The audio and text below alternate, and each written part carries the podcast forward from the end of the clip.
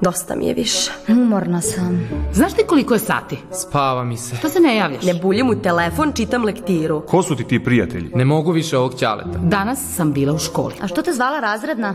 Kažnjena si. E, a ko je ona sad pa da mi zabrani da izlazim? Ma ništa mi nije zanimljivo. Nosit ćeš ti meni Ne džakove. mogu više ovo da Da izdržim. nije ta suknja prekrat? Meni se tako sviđa. Na šta ličiš? Pa mi fali. Znači, kako smar. Sredi taj haos u sobi više. O ne, opet počinju.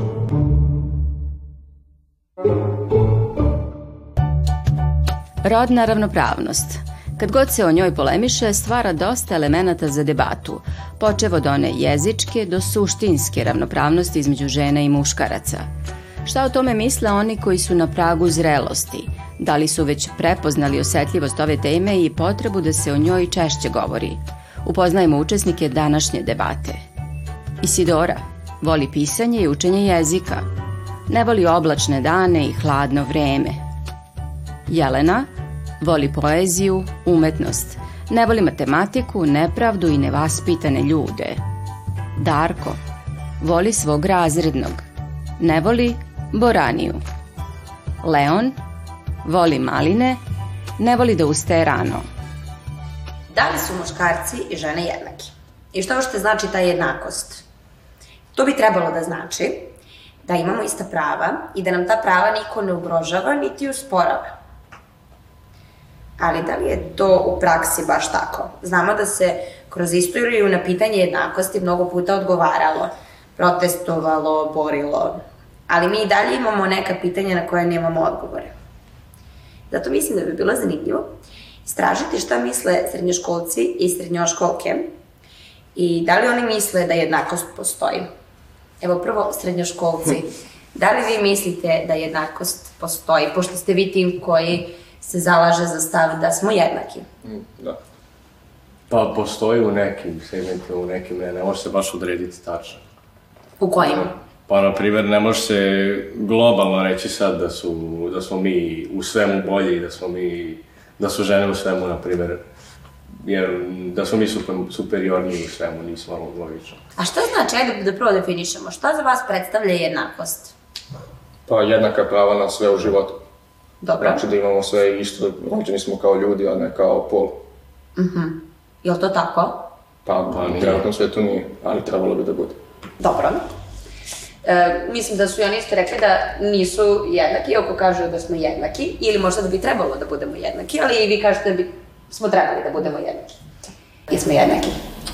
Ne, ne, apsolutno ne. U kom smislu? A, pa, mislim, pričanje o ženskoj jednakosti, ja mislim, na ovom području jako nezahvalno pre svega, zato što će uvek da dođe neko i da bude kao ali svi imaju sva prava.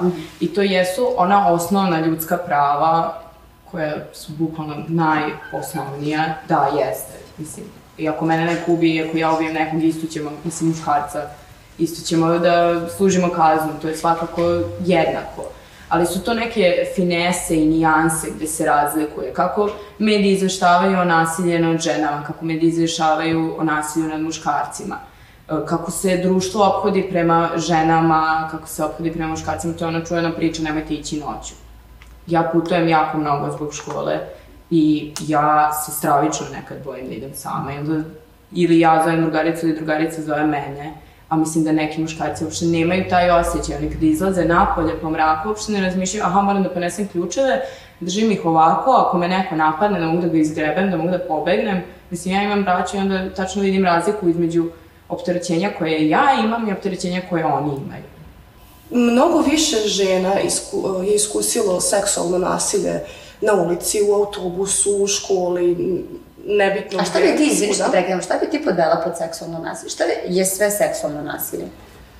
Pa to je sada dosta širok pojam. Um, evo kao prvo, što svi već znamo, silovanje. Mnogo više žena je silovano, do duše. Ima i muškaraca koji su silovani, naravno, ali u mnogo manjem broju. Um, onda imamo to neprijatno dobacivanje na ulicama, um, ne znam, žena koja, ne znam, obuče recimo suknju koja može biti do kolena i da doživi da, da je neki muškarac, čak i žena, da dobacuje jao, vidi kakva riba, jao, šta bi ja tebi sve radio i onda to izaziva neprijatnosti. Mi ne znamo šta da očekujemo u takvim situacijama.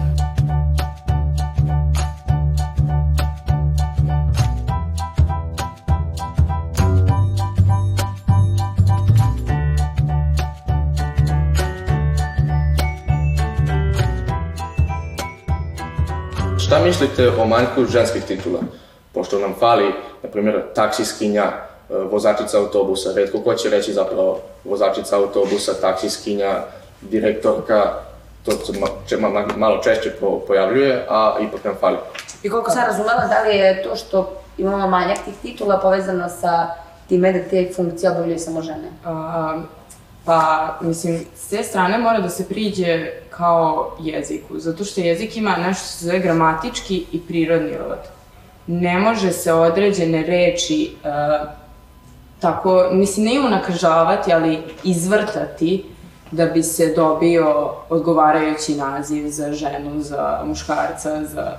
Prosto to nije, srpski jezik nije takav. To može da se radi u nekim drugim jezicima, ali srpski jezik je specifičan baš po tome zato što razlikuje prirodni rod i gramatički rod. Uh, gde vi imate uh, imenice koje su gramatički muškog roda, ali su prirodno ženskog i obrnuto. A da li samo do toga? Ili do toga da su tetkice u školi uvijek bile žene? To je isto kao i kad bi pitali, a gde su učitelji? Koliko učitelja ima u osnovnim školama u poslednjih 10 godina? Uvek su učiteljice, profesorke, nastavnice. To je već neko uh, usmeravanje uh, koje se započinje još u vrtićima uh, na to gde će žena ići da radi, a gde će muškarac. Pogotovo balkanski roditelji drugačije se odnose prema sinovima i drugačije se odnose prema ćerkama. Prvi sin i prva ćerka. Kome se više raduje, za kim se puca, za kim se pije kad se rodi. A odakle to potiče? Uh, ja mislim da to zapravo ima neki koren u uh, tradiciji, gde vi imate i primere u književnosti uh, gde se izdruguje muškarcima koji nisu toliko muški, da se tako kaže, gde su oni nežni, na primer, Jakov Injatović večiti mladoženja. Čitav lik Šamike je degradirana srpska porodica sa kraja 18. odnosno od početka 19. veka.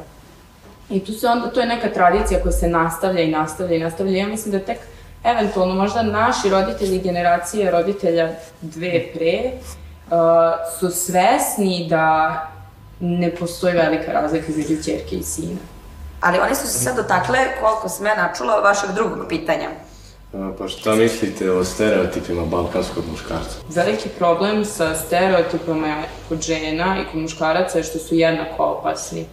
Znači tu se sada vuče uh, da, ok, jako je opasno i u društvu je prepoznato, koliko toliko, da je opasno da mene neko kategoriše kao pre svega majku ili uh, nekoga ko će da vodi računa u kući, ali je jednako opasno i muškarca predstaviti kao nekoga ko sad mora da donosi hleb, da zarađuje, da ono, ide na ratište, da ubija, da voli, da uživa u takvim nekim stvarima. Prosto to je jedna sad druga strana novčića gde je nasilje prema ženama jednako opasno koliko i nasilje prema muškarcima. Na kraju krajeva mi bismo svi trebali da imamo uh, mogućnost da radimo šta želimo sa svojim životom. Naprimjer, ako neka žena hoće da radi u fabrici, u rudniku, ako želi da se bavi nekim fizičkim poslom, to njoj ne bi trebalo da bude uskraćeno. A mi na Balkanu baš i nemamo toliko tih mogućnosti. Sada redko kad će, kad će bilo ko čuti da e, neka žena dođe i kaže, e, ja radim u rudniku. Zato što su žene na Balkanu baš, mislim da je tu baš najizraženije iskreno, nego dalje na zapadu pogotovo, da će žena da kaže ja radim u rudniku. Pa kako radiš u rudniku? Ti si žena, ti nemaš toliko snage, ti ne možeš da radiš u rudniku. Može, ako ona to hoće, ako ona nalazi zadovoljstvo da radi u rudniku, neka radi u rudniku, neka radi u fabrici, neka radi kao vozačica autobusa, ali mi nemamo te prilike. Moramo mi malo njih pustiti da pričaju, tako da mislim sad vreme za vaše pitanje za njih. Pa, naše pitanje bi bilo, recimo, s koje strane vi kao muškarci, pre svega, mislite da mogu da se osveste drugi a, po pitanju ženskih problema? Jer vidimo da ste vi dovoljno osvešćeni, ali ste ipak rekli da evo, samo u vašem razredu postoji neke nejednakosti. Kako biste to rešili? Pa to je na Balkanu malo teže, zato što svi očekuju od žene da bude majka i da, eto tako da kažem, da bude u kuhinji, da ceo život provede u kuhinji, da čuva decu. što realno ono, neće svaka žena to hteti da radi kad odraste. Možda neka žena neće hteti da ima decu, ali to je jako teško osvestiti sad sve. Dobro, i ja pretpostavljam da vi ne biste terali svoju ženu da to radi. Da.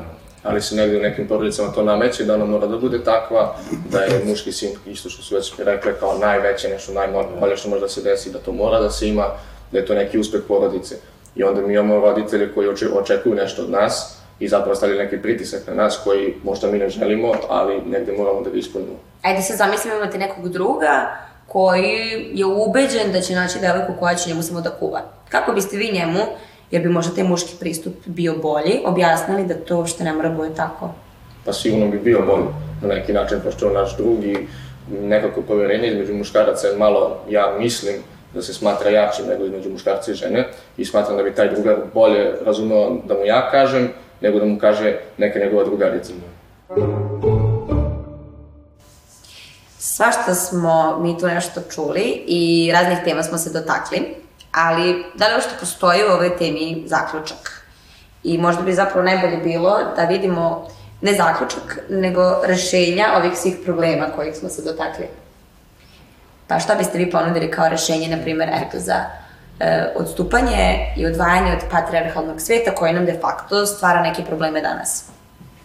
Posvešćivanje muškog roda ubedljivo u Srbiji treba da se izvrši zato što svi misle da treba, mislim kao većina i dalje postupa po tim patrijarhalnim Nametnuto nam je prosto da tako se to radi i da tu u ovoj okolini na Balkanu to će to tako i dalje stoji, iako ne bi trebalo tako da bude, ali se očekuje prosto od nas da mi takvi zapravo budemo. I kako se mi borimo protiv toga? Evo na tim nekim uh, svakodnevnim primjerima. posvešćivanje u, uopšte na ljudi e, da treba da imamo i muškarci da imaju emocije i da žena ne treba da bude samo žena, to jest ne, ne treba da bude samo majka i samo da kuva i da čuva decu. Objekat.